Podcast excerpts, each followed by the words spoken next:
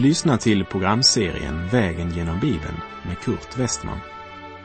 Programmet sänds av Transworld Radio och produceras av Norea Radio Sverige. Vi befinner oss nu i Hebreerbrevet. Slå gärna upp din bibel och följ med. Vi befinner oss fortfarande i Hebreerbrevets elfte kapitel. Jag avslutade förra programmet med orden i Hebreerbrevet 11.32. Vad skall jag säga mer? Jag skulle inte hinna med att berätta om Gideon, Barak, Simson och Jefta, om David, Samuel och profeterna. Och lägg nu märke till vad dessa människor gjorde. För de stred den goda striden och kämpade trons goda kamp. Vi läser Hebreerbrevet 11, vers 33. Genom tron besegrade de kungariken, skipade rätt, fick löften uppfyllda, täppte till lejonskap.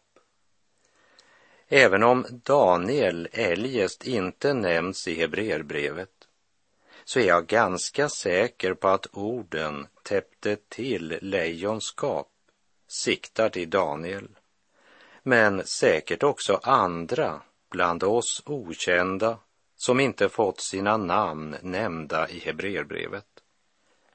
Alla dessa rättfärdighetens barn genom tiderna som skipat rätt och som fått erfara Guds löften uppfyllda. Gud uppfyller inte alla våra önskningar, men han uppfyller alla sina löften. Och Hebreerbrevet fortsätter att i vers 34 tala om alla dessa som genom tron släckte rasande eld och undkom svärdsägg. De var svaga men blev starka. De blev väldiga i strid och drev främmande härar på flykten. Verserna 32 till och med 35 talar om trons seger i det gamla förbundet då kraften manifesterades på ett yttre synligt sätt som till exempel när David besegrade Israels fiender i strid och drev fiendens härar på flykt. Vi läser Hebreerbrevet 11, vers 35. Kvinnor fick tillbaka sina döda genom uppståndelse. Andra torterades och de vägrade att låta sig befrias för att få en bättre uppståndelse. Från vår vandring genom Första Kungabok 17 så minns vi hur änkan i Sarefat fick tillbaka sin döde son när Elia uppväckte honom. Jesus uppväckte också en änkas son. I Lukas kapitel 7, verserna 11 till 17 kan du läsa om det. Så tar Hebreerbrevets författare steget över till martyrerna. Andra torterades. Vi läser verserna 36 och 37. Andra utstod hån och gisselslag, ja, även bojor och fängelse. De blev stenade, söndersågade eller dödade med svärd.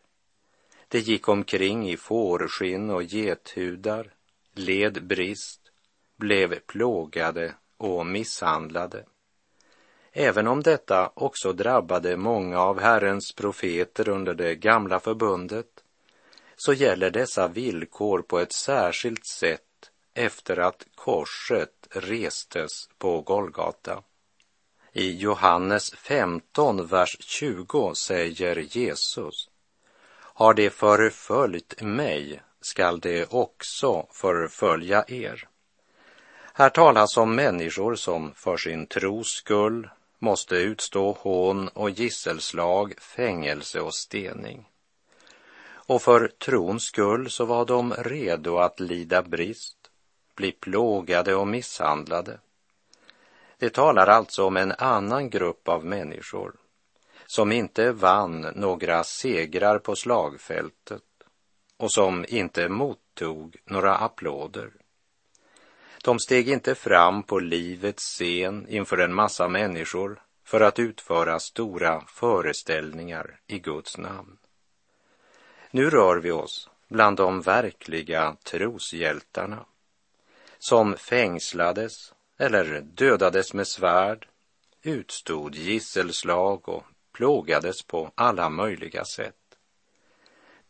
Det är viktigt att lägga märke till den första gruppen som vann sina segrar genom att besegra kungariken, täppa till lejonskap och undkomma svärdsägg. Det vill säga de undflydde svärdsäggen. Men från vers 37 så talas om de som slaktades av svärdet. Hur kan det vara på det sättet? Den ena gruppen kan undfly svärdets ägg. En annan grupp går genom tron i döden och dör för svärdets ägg. Och då uppstår frågan, varför måste det rättfärdiga lida? Jag är medveten om att om du har både hälsa och krafter så är det lätt att avfärda hela problemet och säga om andra, de fostras av Herren. Det är nog en mening med det. Men det vi läser om i Hebreerbrevets elfte kapitel är att dessa människor genom tron, vi kan säga på grund av tron, gick igenom all denna nöd och mycket lidande. De betraktade inte svårigheterna som om Gud testade deras tro, men de övervann genom tron. De litade på Gud och förblev hos Gud när deras dag var fylld av mörker, när deras natt blev lång och när de inte fick någon lättnad. Jag hörde ditt följ mig, Juda, och greps av ditt rikes glöd. Du ej ära och guld kunde bjuda eller lova mig frihet från nöd. Du sa du skulle mig sända som ett får bland vargar i mängd och ofta skulle jag känna som om varje utväg var stängd.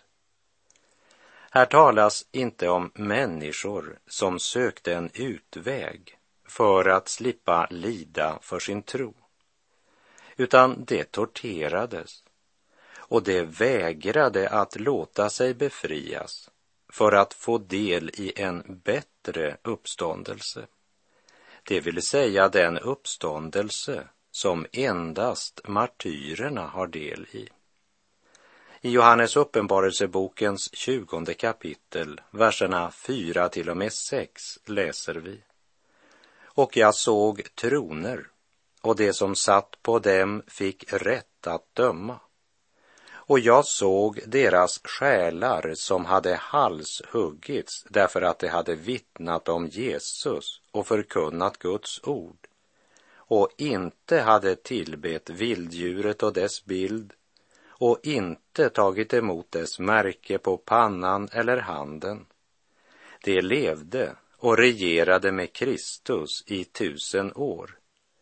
Men de andra döda levde inte förrän de tusen åren hade gått. Detta är den första uppståndelsen. Salig och helig är den som har del i den första uppståndelsen.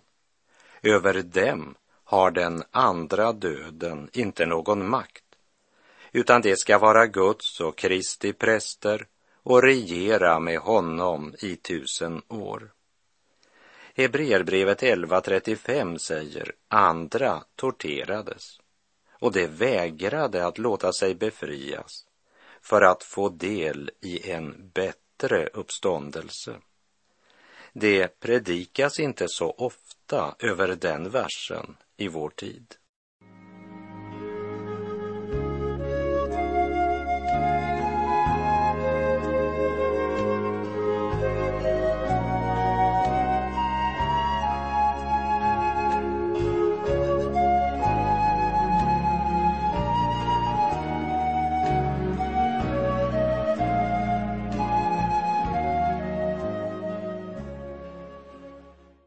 Andra utstod hån och gisselslag, ja, även bojor och fängelse.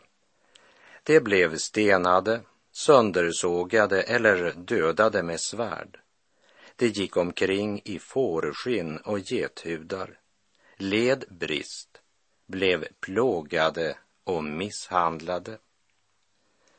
Då är det mycket lättare att resa sig i en varm och trygg församlingslokal och med hög stämma citera Saltaren 34.7. Här är en betryckt som ropade och Herren hörde honom och räddade honom ur all hans nöd.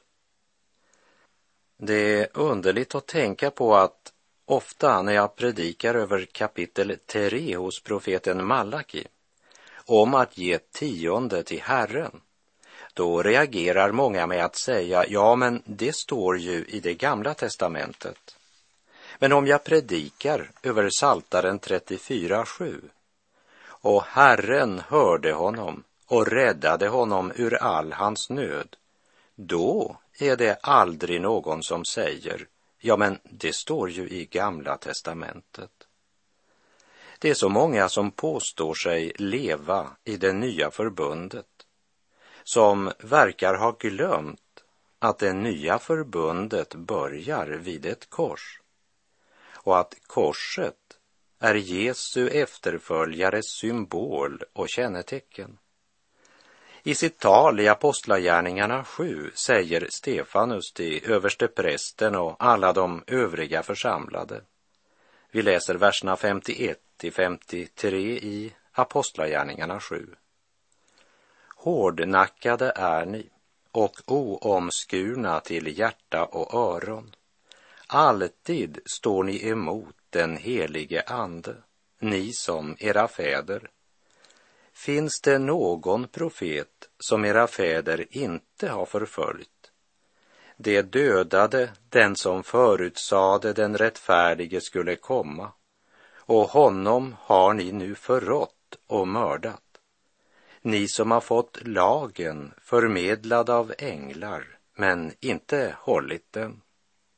Och hör vad aposteln Petrus skriver i sitt första brev kapitel 4, verserna 12 till och med 14. Mina älskade, var inte förvånade över den eld som ni måste gå igenom till er prövning, som om det hände er något oväntat. Nej, gläd er ju mer ni delar Kristi lidanden. Då ska ni också jubla och vara glada när han uppenbarar sig i sin härlighet. Saliga är ni om ni hånas för Kristi namns skull. Ty härlighetens ande, Guds ande, vilar över er. Petrus gick alltså igenom allt detta med jubel och glädje. Och Paulus han skriver till de troende i Kolosse, i Kolosserbrevet 1.24. Nu gläder jag mig mitt under mina lidanden för er. Och det som fattas av Kristus lidanden uppfyller jag i mitt liv för hans kropp som är församlingen. När Paulus talar om det som fattas av Kristus lidanden så är det inte något som fattas när det gäller Kristi frälsningsverk och det Kristus led som straff för din och min synd. Världen hatar Kristus, hatar sanningen. Och den människa som genom Guds ord och Guds helige ande blivit född på nytt och lever ett gudfruktigt liv får också helt konkret del i lidandet eftersom samma gudsfientliga krafter fortfarande är verksamma och i Filipperbrevet 1, vers 29 och 30 skriver Paulus Ty för Kristi skull har ni fått nåd, inte bara att tro på honom, utan också att lida för hans skull, eftersom ni har samma strid att utkämpa som ni såg att jag hade och nu hör att jag har. Världen kan nog acceptera att man säger att man tror på Jesus. Men när munnens bekännelse förenas med ett liv i Guds fruktan, då får man genast känna världens fiendskap. Ja, lidandet är ofrånkomligt för var och en som vill kämpa trons goda kamp. De trosvittnen som Hebreerbrevet 11, verserna 36 och 37 talar om, de kunde ha blivit befriade från sin pina och undsluppit svårigheterna och räddat sina liv genom att förneka sin tro. De blev erbjudna den möjligheten. Men genom tron valde de att följa i sin mästares spår. Och deras mästare, han hade sagt, har det förföljt mig ska det också förfölja er. Vi läser Hebreerbrevet 11, vers 38. Världen förtjänade inte att hysa dem. De irrade omkring i öknar och på berg, i grottor och hålor. Det är vad Guds ord har att säga om alla dem som genom tron varit Gud trogna in till döden. Världen förtjänade inte att hysa dem. Här i världen irrade de omkring i öknar och på berg, i grottor och hålor. Världen trodde att de krossade alla dessa. Världen menade i sin otro att dessa gudfruktiga inte var värda att leva här i denna värld. Men sanningen var ju motsatt. Det var den här världen som inte var värdig att hysa dessa trons människor. Och när världen förföljde och dödade dem så var de därmed med och stadfäste att dessa människor älskade Gud mera än de älskade sitt eget liv. Kära lyssnare, glöm inte att martyrernas antal idag är större än någon gång tidigare. Och om ett lem lider så lider alla lemmarna med den, står det i Första Korinthierbrevet 12.26. Broder Andreas i Holland säger, det är viktigt att vi inte klandrar den lidande församlingen, våra förföljda trossyskon i olika delar av världen, som om dessa lidanden skulle vara på grund av deras synder, när verkligheten kanske är att de lider för våra synder, inte för att sona våra synder, så som Kristus var tvungen att lida då han försonade all världens synd.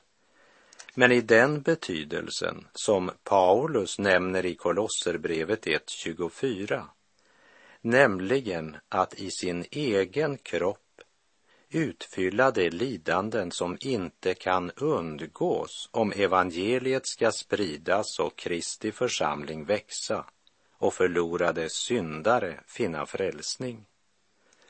Kanske är kallelsen att vara med och bära detta lidande mera bokstavligen vad vi önskade det skulle vara, säger broder Andreas, som genom ett långt liv tjänat förföljda kristna i olika delar av världen.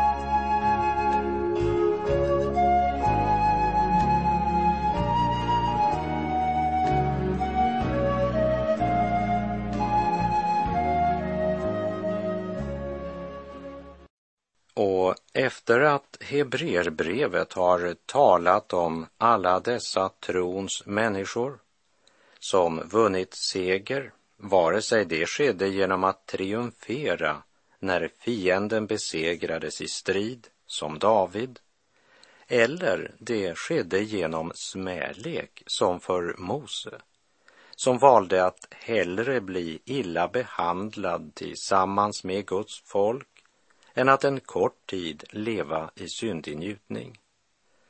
Vare sig det var genom triumf eller smärlek, hån och lidande, så var det genom tron de segrade. De litade fullständigt på Gud och hans löfte, löftet om honom som skulle komma.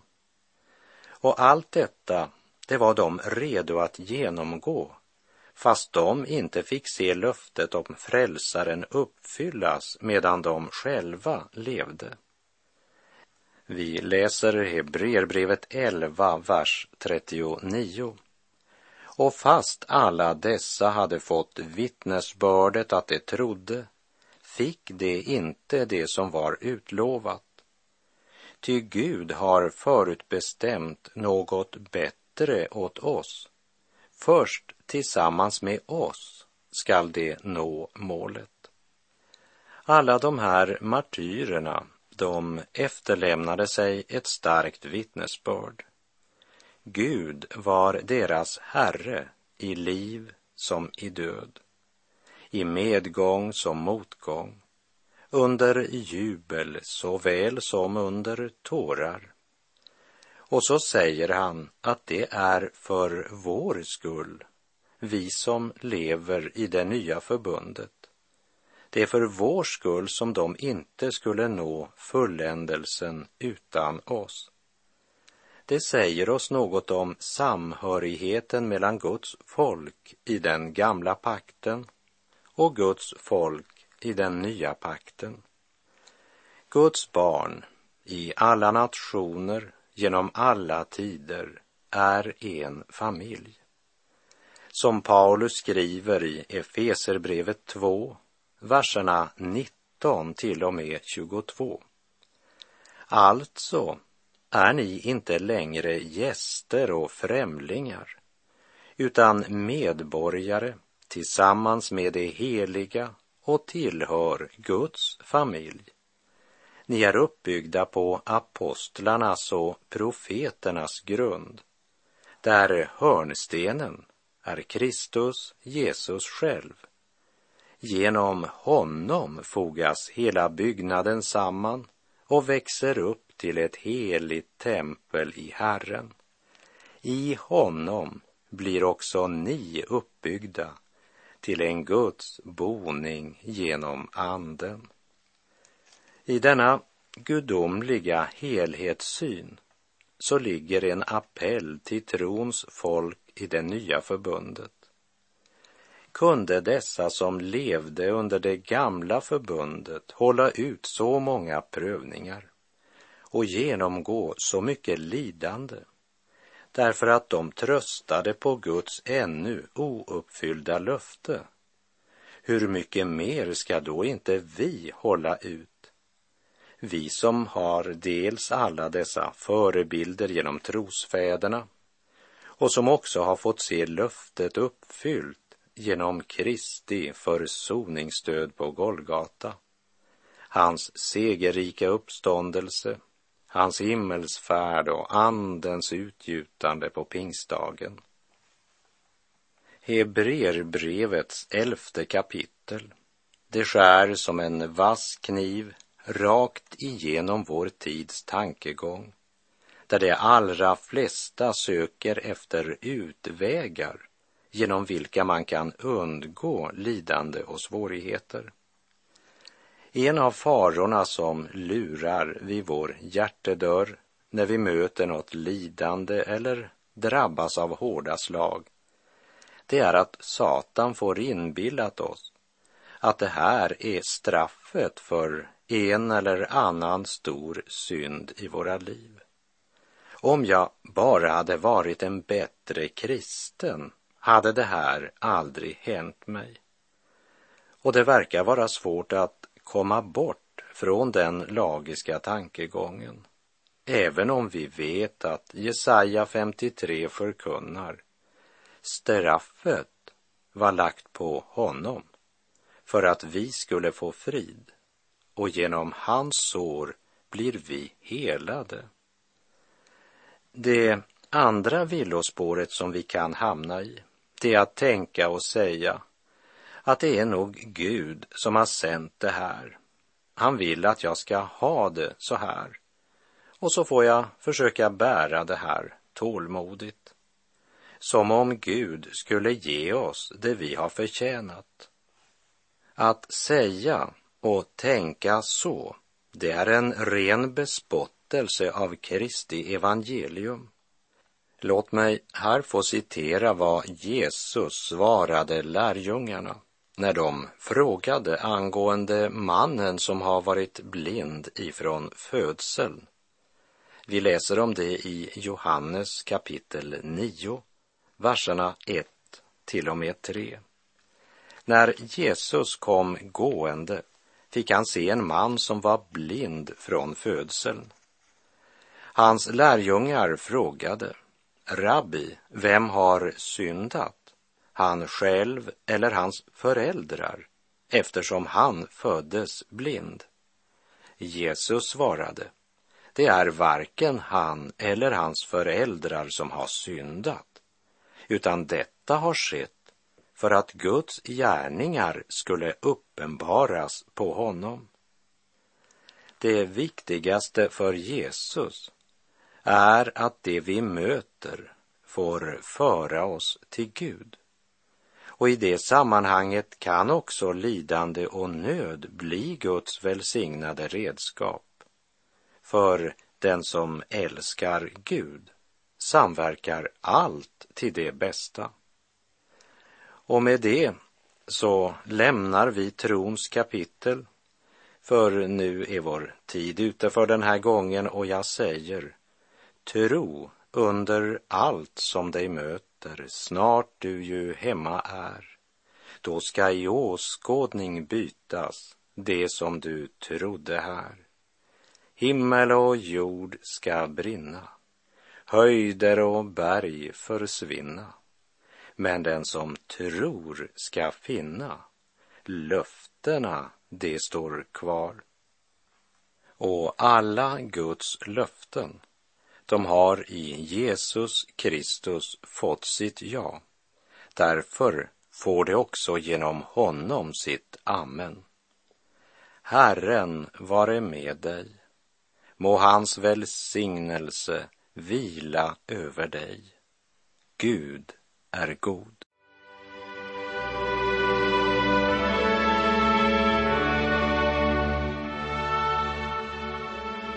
Du har lyssnat till programserien Vägen genom Bibeln med Kurt Westman som sänds av Transworld Radio. Programserien är producerad av Norea Radio Sverige. Om du önskar mer information om vårt radiomissionsarbete så skriv till Norea Radio Sverige, box 3419 103 68 Stockholm. Adressen är alltså Norea Radio Sverige box 3419. Postnumret 10368 Stockholm.